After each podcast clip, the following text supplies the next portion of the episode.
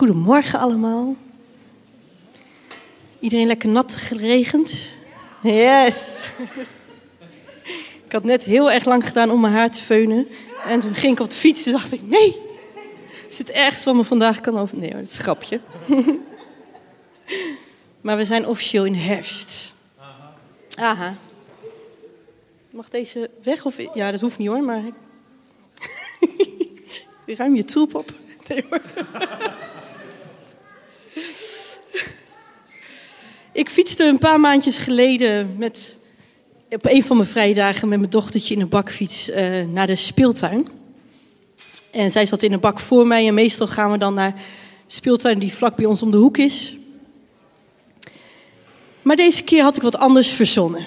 En meestal als ik dan moe ben en mijn hoofd zit een beetje vol, dan voelt zo naar de speeltuin gaan best een beetje als een klein offertje voor mij. Maar deze dag zat ik heel lekker in mijn vel en ik dacht, heerlijk, we gaan wat anders doen. En ik had er helemaal zin in.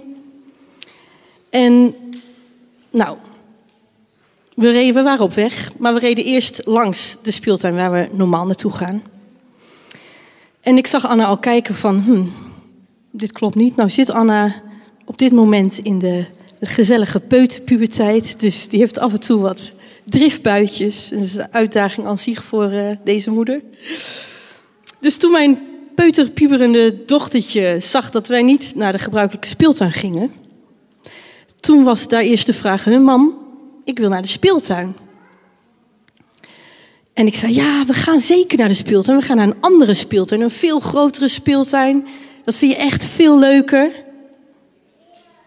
Maar of ze het nou wilde horen of dat de boodschap niet aankwam, ik weet het niet. Maar het kwam niet bij haar binnen dat dit een goed plan was. Dus daar waar het was begonnen met mam, ik wil naar de speeltuin, werd het een hysterisch krijsen de hele weg, twintig minuten lang, voordat we bij de speeltuin aankwamen die ik in mijn hoofd had. Alleen dat al was dat al mijn energie die ik daarvoor had, was verdwenen. Dus gesloopt kwamen we beiden aan naar dit intensieve ritje. Beiden zwaar gefrustreerd ook ondertussen. Maar eenmaal bij het zien van die grote speeltuin waar mama het al over had gehad, was de grijns van de kleine Anna echt alles meer dan waard geweest. En ondanks dat ik mijn krijzende meisje even helemaal niet meer zo lief en schattig vond, na dit ritje vond ik dat ze dit toch meer dan waard was. Nu pas besefte ze waar ik het over had gehad. Ze had naar de speeltuin gewild die in haar hoofd, in haar ogen de geweldigste speeltuin was. Maar omdat ze niet beter wist bij het zien van deze echte grote speeltuin, was ze overweldigd door de mooie grote toestellen waar ze het bestaan niet van afwist. Een treintje wat er reed, een gratis ijsje bij het toegangskaartje. Noem maar op. Ze wist van gekkigheid niet waar ze als eerste heen moest rennen. En vandaag zijn we nog steeds bij de bergreden. En we zijn aangekomen bij de volgende tekst, Matthäus 6, vers 33. Zoek liever eerst het koninkrijk van God en zijn gerechtigheid, dan zullen al die andere dingen je erbij gegeven worden. En wat het met deze inleiding te maken heeft, daar komen we zo meteen wel achter. Maar ik wil eerst nog even naar een beetje context waar we voor op deze, voordat we op deze tekst komen gaan uh, inzoomen. We zijn nog steeds bij de bergreden. En met Jezus die hier een van zijn belangrijkste speeches geeft aan de gelovigen. De gelovigen die zo hard bezig waren met de wet en de geboden en om zich daar heel erg aan te houden. Een behapbaar iets wat ze klakkeloos konden volgen. Iets waar ze controle over hadden. Iets wat ze dachten te kunnen verdienen. En de eerste zin waar Jezus deze speech over begon en waar Gilbert deze hele serie over begonnen is, dat was gelukkig de armen van geest, want van hun is het koninkrijk. En ik geloof dat dit een hele belangrijke zin is van Jezus, van deze belangrijke speech. Gelukkig ben je als je als bedelaar afhankelijk durft te zijn van God en zijn genade, zoals Gilbert dat zo mooi vertaald had. Een bijzondere start van deze speech. En de zaligsprekingen die gingen door tot Jezus vertelde dat ze niet moeten denken dat hij gekomen is om de wet en de profeten af te schaffen, maar om ze juist in vervulling te brengen. En Jezus lijkt er zelfs nog een schepje bovenop te doen. En er worden latten gelegd die bijna te hoog gegrepen lijken. En ik denk dat sommige gelovigen wel gedacht moeten hebben, hoe dan? Hoe ga ik ooit zo kunnen leven? Hoe ga ik dat ooit bereiken in mijn leven? En Jezus die gaat dan verder en die leert hun het Onze Vader, waar Gilbert een paar weken terug over had. En hij vertelt hen dat als ze vasten het alleen voor hun Vader in het verborgene moeten doen. Dat ze het niet moeten doen als huigelaars en niet om beloning van mensen te krijgen. Want zo staat er, want jullie Vader die in het verborgene ziet, die zal je ervoor belonen. En dan zijn we gekomen bij de versen die staan voor de tekst van vandaag. En ik geloof dat deze versen ervoor onlosmakelijk verbonden zijn met de tekst van vandaag. Ik wil dat even met jullie lezen, Matthäus 6, vers 24. Niemand kan twee heren dienen. Hij zal de eerste haten en de tweede lief hebben. Of hij zal juist toegewijd zijn aan de ene en de andere verachten. Jullie kunnen niet God dienen en de mammon. Daarom zeg ik jullie, maak je geen zorgen over je leven, over wat je zult eten of drinken, noch je lichaam, over wat je zult aantrekken. Is het leven niet meer dan voedsel en het lichaam, lichaam niet meer dan kleding? Kijk naar de vogels in de lucht. Ze zaaien niet en oogsten niet en vullen geen voorraadschuren. Het is jullie hemelse vader die ze voedt. Zijn jullie niet meer waard dan zij? Wie van jullie kan zich door zich zorgen te maken ook maar één dag aan zijn levensduur toevoegen? En wat maken jullie je zorgen over kleding? Kijk eens naar de lelies. Kijk hoe ze groeien in het veld. Ze werken niet, ze weven niet. Ik zeg jullie, zelfs Salomo ging in al zijn luister niet gekleed als een van hen. Als God het groen dat vandaag nog op het veld staat en morgen in de oven gegooid wordt, al met zoveel zorg kleedt, met hoeveel meer zorg zal hij jullie dan niet kleden, kleingelovigen? Vraag je dus niet bezorgd af, wat zullen we eten, wat zullen we drinken of waarmee zullen we ons kleden? Dat zijn allemaal dingen die de heidenen najagen. Jullie hemelse vader weet wel dat jullie dat alles nodig hebben. Zoek liever eerst het koninkrijk van God en zijn gerechtigheid, dan zullen al die andere dingen je erbij gegeven worden. Nou, het eerste woord van deze tekst is al meteen iets wat mij triggerde. Zoek. Er staat geen vind eerst het koninkrijk, maar zoek. En ik wil niet meteen heel moeilijk doen, maar volgens mij hebben we hier meteen al de eerste grote uitdaging te pakken. Zoeken. Zoeken in deze tijd. Ik weet niet van jou, maar volgens mij is dit iets wat we niet zo heel erg gewend meer zijn. Zoeken kennen we volgens mij eigenlijk het meest van Google. Daar zoeken we inderdaad de hele dag door. En daar is dan alles bijna binnen een paar minuten gevonden. Dus of we dat nog zoeken mogen noemen, dat weet ik niet. Googelen is een woord in het woordenboek geworden. En ik las laatst dat Google meer dan 1 miljard actieve gebruikers per maand heeft. En dat de gemiddelde gebruiker 76 seconden aan een zoeksessie besteedt. Dat betekent dat datgene wat we zoeken met z'n allen in iets meer dan een minuut al voor onze neus zien verschijnen. Zoeken is lastig. En we doen het eigenlijk alleen als we wat kwijt zijn. Echt iets heel kostbaar of iets belangrijks, zoals je sleutels of je telefoon. Iets wat mezelf geregeld overkomt, helaas. Of als er veel ernstige situaties voorkomen, zoals een persoon die vermist wordt, dan maken we ruimte in onze agenda en besteden we er tijd aan om die te gaan zoeken. Maar we wennen er steeds meer aan dat datgene wat we maar nodig hebben eigenlijk zo snel mogelijk gefixt wordt. Alles gaat steeds makkelijker en sneller en nog net niet op elke hoek van de straat staat een McDrive. Iets wat ik ook persoonlijk niet zo heel erg zou vinden. Maar het is zo. We vinden meer dan dat we zoeken. Het staat allemaal al binnen handbereik voor ons aan de kant van de weg waar we met z'n allen langs chasen in ons overdrukken volle leventje. En veel van die dingen kunnen ons leven zeker verrijken en maken het leven inderdaad makkelijker. En daar is natuurlijk helemaal niks mis mee. Maar we wennen wel aan een bepaalde maatstaaf. We wennen aan snel en makkelijk. De quick fix. En dingen die iets langer duren, die zijn best wel ingewikkeld. Voor mij in ieder geval. We wennen aan een bepaalde maatstaaf. Want onze agenda's zijn steeds voller en voller. En dat maakt dat we minder en minder tijd hebben om te zoeken, wat iets meer ruimte en tijd in beslag neemt. Maar er staat hier geen vind mijn koninkrijk op de hoek van de straat, waar het allemaal keurig voor je klaar staat, maar zoek. En dat betekent domweg dat we het dus nog niet gevonden hebben. We moeten er naar zoeken. Maar hoe doen we dat? Is dat zoeken niet iets te hoog gegrepen voor ons in deze tijd? En waar zoeken we dan überhaupt naar? Want hoe mooi het koninkrijk van God en zijn gerechtigheid misschien ook klinkt, en we misschien theoretisch precies weten wat dat betekent, hebben we een voorstelling van hoe dat eruit ziet.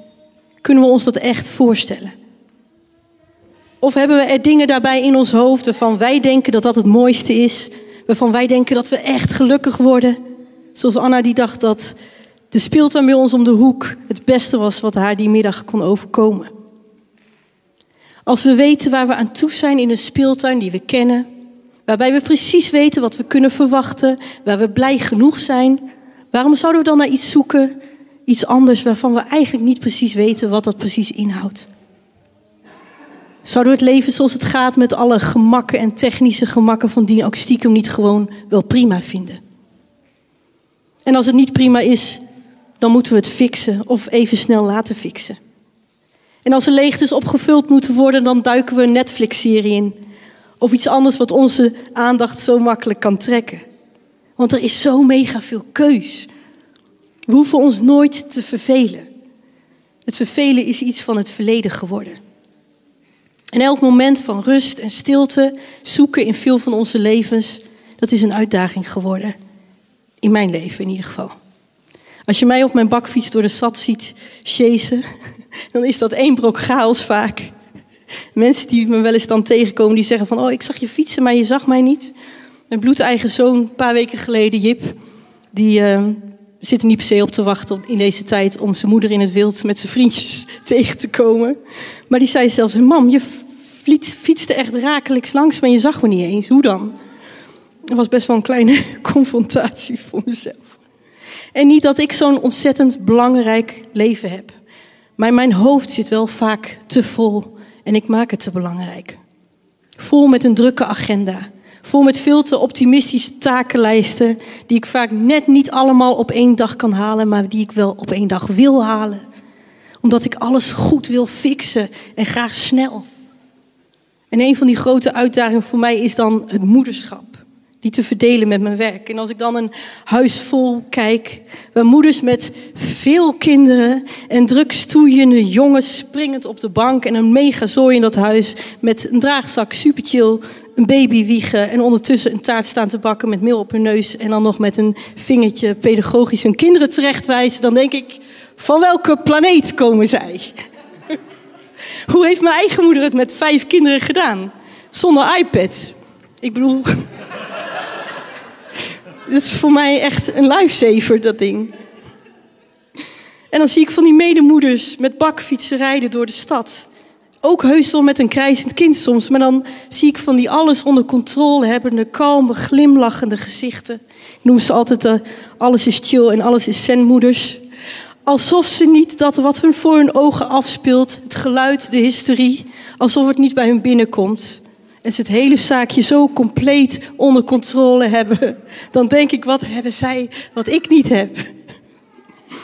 Mijn hoofd zit vaak vol stress en is snel overprikkeld en voelt zich opgejaagd en kan zich zo slecht focussen op meerdere dingen tegelijk. Dat ik de sleutels en broodtrommels vergeet en dat het nog best wel een wonder is dat mijn kinderen überhaupt nog rondlopen. Nou, dat is een grapje. Maar klein beetje overdreven, maar structuur, rust en overzicht is voor mij absoluut een uitdaging in dit leven.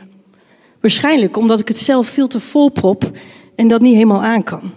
In ieder geval als het gaat om combi, huisvrouw, moeder en ondernemers zijnde. Maar tijd vrijmaken om überhaupt te zoeken gaat, zoals je misschien wel hoort in mijn leven, niet vanzelf. Zoek eerst mijn koninkrijk. En zoals je merkt, voor mij was dit bijna al een hele preek en ik kon het niet laten. Maar dan komt er ook nog het woordje eerst. Het woord wat alles te maken heeft met prioriteit. Zoek eerst het koninkrijk van God en zijn gerechtigheid. Eerst betekent letterlijk dat je het doet voordat je wat anders gaat doen. Ook daarvan komt er in mijn leven nog zo weinig terecht. Want er moeten zo vaak eerst belangrijke dingen gedaan worden. Eerst even dit. En dan wil ik wel proberen Gods koninkrijk te zoeken. Maar eerst betekent blijkbaar voor ik al die belangrijke dingen eerst wil doen. En ik zou het wel willen, maar ik denk vaak genoeg toch dat ik zelf net even beter weet wat belangrijk is die dag. En mochten na de eerste belangrijke dingen nog tijd over zijn, dan wil ik zeker uw koninkrijk zoeken. Maar zoals je hiervoor al hoort, is er dan wel heel weinig plek en ruimte nog over eigenlijk. En dan klinkt het alsof ik nooit stille tijd besteed om een God te zoeken en dat is niet zo. Maar ik zeg je eerlijk dat ik dat sneller doe als ik echt tegen mezelf aanloop of tegen een, ja, dingen tegenkom die naar zijn. Of dan besef ik dan echt dat ik God nodig heb. Maar in de structuur van de dag, in een vast patroon, vind ik het lastig om mijn God te zoeken en de tijd voor vrij te maken. Het is meer de even tussendoor momentjes. En toen ik hiermee afgelopen weken met deze overdenking bezig was en ik merkte dat ik iets meer bewust werd van mijn drukke, opgejaagde zelf, probeerde ik een beetje meer in het nu te leven. En het hielp. Ik voelde weer de zonnestralen op mijn gezicht als ik even wachtte bij een kruispunt. Ik zag ineens dat er mensen achter de kassen zaten bij de supermarkt. Ik hoorde vogels fluiten. Ik rook die nieuwe herfstgeur die in de lucht is. Voor anderen misschien vanzelfsprekend. Maar dit mag, bracht mij al best wel heel veel. En ik moest me even bewust van worden. En dat zal ik me blijven doen, moeten doen. Maar dit zijn de mooie momenten van de dag waar het denk ik om gaat. Momenten die we zomaar zouden kunnen missen in de drukte en gekte van de dag. Door gebrek aan ruimte en tijd die wij nemen. Ruimte om stil te staan in het hier en nu. En Gods goedheid en liefde te zien in zijn schepping en de mensen om ons heen. Een uitdaging in de wereld van nu waarin we leven en zoveel willen bereiken. Maar ik geloof dat er nog een hele andere uitdaging voor ons ligt als het gaat om Gods koninkrijk en zijn gerechtigheid zoeken. Want buiten dat het zoeken aan zich en het eerst zoeken als prioriteit in deze drukke tijd al best een uitdaging is, is er nog iets anders wat misschien nog wel veel meer in de weg staat. Want zoals ik al zei, geloof ik dat de versen die voor deze tekst van vandaag staan, staan onlosmakelijk verbonden zijn met de tekst van vandaag. Jezus heeft het erover dat we ons geen zorgen hoeven maken. Geen zorgen over de dag van morgen. Priscilla had heel mooi liedjes erover. Ik vond dat wel heel bijzonder. Geen zorgen over wat we zullen eten of drinken. Geen zorgen over wat we zullen aantrekken. En ik had het net over mijn volle hoofd qua takenlijsten en dingen die ik zo goed mogelijk wil doen. Maar dan hebben we het nog niet over zorgen gehad. En ik weet niet van jullie, maar dat zijn er bij mij veel. En als ik er voor die dag niet één kan verzinnen, dan is er wel eentje te verzinnen voor morgen of overmorgen. Of de toekomst. Wat als? Wat als dit en dat? Wat als ik nooit goed genoeg ben? Wat als de kinderen mij geen leuke moeder vinden? Wat als ik mensen verlies die mij dierbaar zijn? Zorgen voor vandaag en morgen. Ze kunnen ons hele hoofd en zijn vullen. We kunnen ze oneindig verzinnen. Over ieder onderwerp in ons leven. Zorgen maken gaat ook altijd over iets wat je of nog niet hebt, of wat je wel hebt, maar bang bent om het kwijt te raken. Eigenlijk is het dus gewoon nooit goed en raak je er ook nooit klaar mee. Maar er staat hier ook: maak je geen zorgen. Wij zijn zulke goede zorgenmakers. We voelen ons redelijk comfortabel ook in die rol. We denken blijkbaar, blijkbaar dat wij het beste onze zorgen kunnen maken en doen het vaak bewust of onbewust ook de hele dag door. En hoe meer we onze zorgen maken, hoe minder we vertrouwen dat onze maker voor ons wil zorgen. Hoe meer wij onze zorgen maken, hoe minder we vertrouwen dat onze maker voor ons wil zorgen. Wat is het toch dat we er keer op keer intrappen, dat we denken dat we zelf iets moeten met onze zorgen? Dat onze zorgen blijkbaar ons nodig hebben.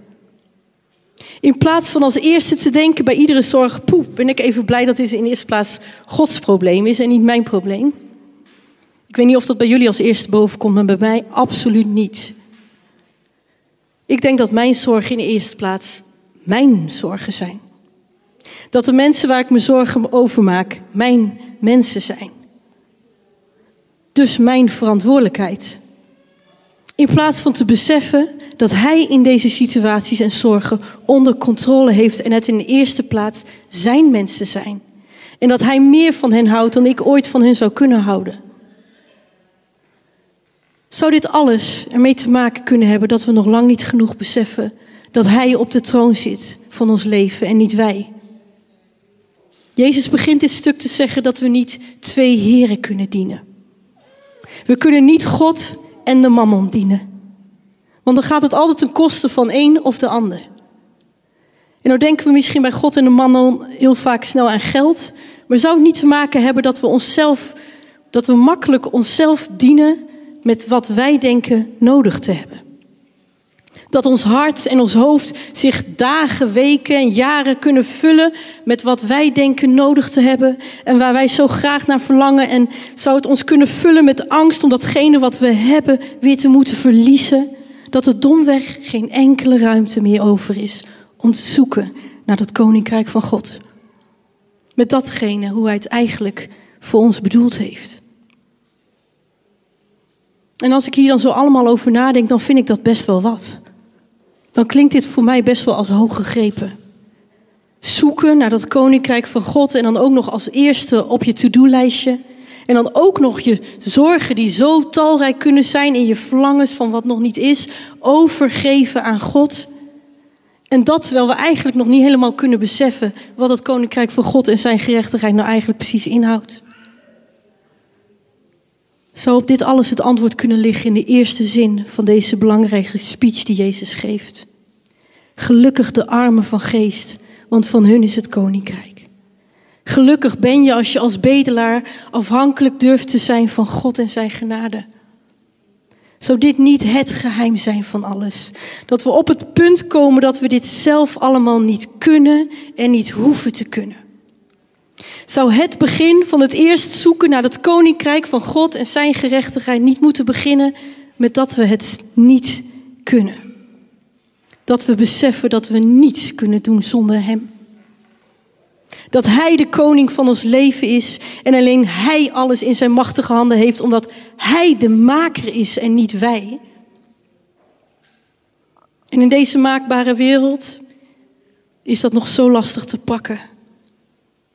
Maar het gaat niet om ons of wat wij wel of niet zouden kunnen. Het gaat erom dat we ruimte durven maken voor de koning. Het gaat erom dat wij beseffen dat we het niet kunnen. Dat het niet afhankelijk is van ons. Weg met onze eigen wijsheden en theorieën. Hoe het van huis uit gewend zijn, religies en noem maar op. We hebben het zo vaak boven onze koning gezet. We hebben er vaak geheel onbewust ons eigen koninkrijk gezocht. En vandaag klinkt de oproep: zoek eerst mijn koninkrijk. En dat is een koninkrijk waar Hij koning is en niet wij. Dat is een koninkrijk waar het gaat om Zijn gerechtigheid en niet de onze. Dat is een koninkrijk waar we diegenen die ons het meeste pijn hebben gedaan kunnen vergeven. Dat is een koninkrijk waar we al onze zorgen, problemen en eigen verlangens in de eerste plaats zullen vergeten, omdat dit zoveel beter en zoveel mooier is. Het gaat erom dat we ruimte durven maken voor de koning.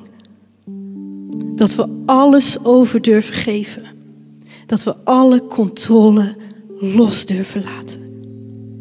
Dat we ellenlange zorgenlijsten en ellenlange takenlijsten op durven geven, wetende dat Hij de koning is in ons leven. Willen we dat? Durven we dat? En dan kunnen we misschien de hele rit in de bakfiets keihard huilen, niet wetende waar we terecht gaan komen. Onze verwachtingen moeten bijstellen van de speeltuin waarvan wij dachten daar te komen. Waarvan wij dachten dat dat ons grootste geluk was. Maar dan zullen we steeds meer zien van de grote speeltuin van God. Die Hij voor in ieder van ons beloofd heeft. Een speeltuin waarvan je niet wist dat die bestond.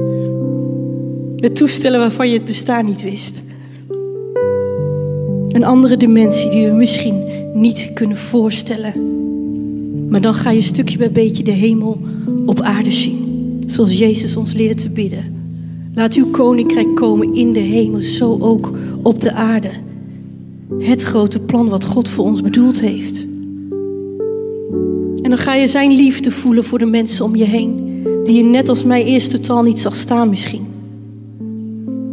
Dan ga je mensen kunnen vergeven die je het ergste hebben aangedaan wat je ooit kon overkomen.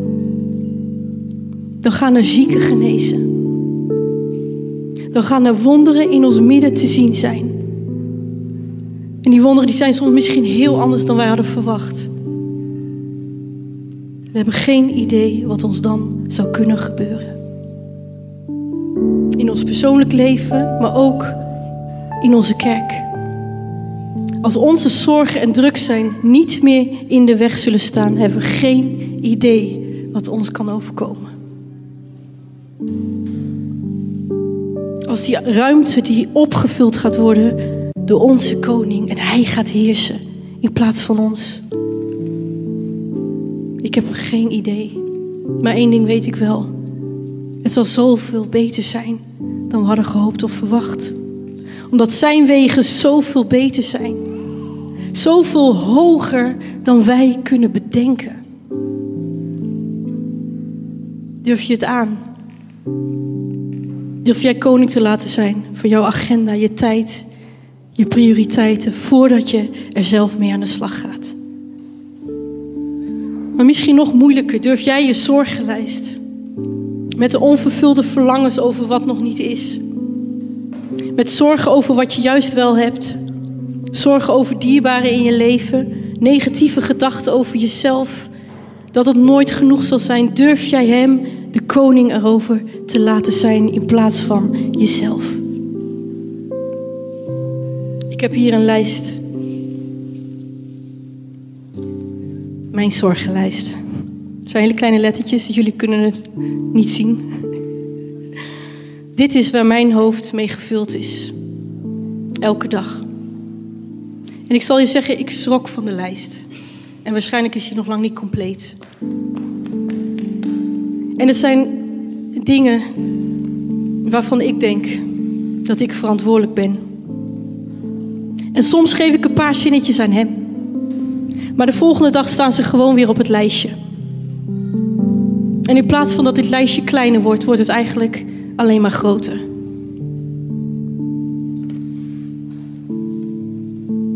En dit is wat ik vandaag mee ga doen. Ik scheur het en ik zeg jullie dat Hij de koning is over mijn leven. En alles en iedereen die daarin voortkomt. Ik wil niet langer dat het vel papier van mijn leven vullen. Dit is. Ik wil een schone lei. En dit is wat, God doet. Ik wil dat Hij mijn vrouw gaat schrijven. Dat Hij alle ruimte heeft op mijn lege papier. In Petrus 5, vers 6 staat: Onderwerp u dus nederig aan Gods grote macht. Dan zal Hij u op de bestemde tijd verheffen. Niet omdat Hij je wil vernederen, maar omdat Hij je wil verheffen. En dan, ja, dan zullen al die andere dingen ons bovendien geschonken worden. Want ik geloof dat dat al inbegrepen is bij het zoeken naar dat koninkrijk. Want dan zal hij jou steeds meer laten zien van die grote speeltuin. Die zoveel groter is en beter dan jij zou kunnen voorstellen. Ik wil vragen of het eh, team naar voren wil komen. Ik heb gevraagd of ze een lied willen zingen. En ik wil ook letterlijk ruimte maken. Dat lied, we zullen, ik heb Priscilla gevraagd dat we echt een moment van aanbidding nemen samen. Om, dat, om dit tot je door te laten dringen.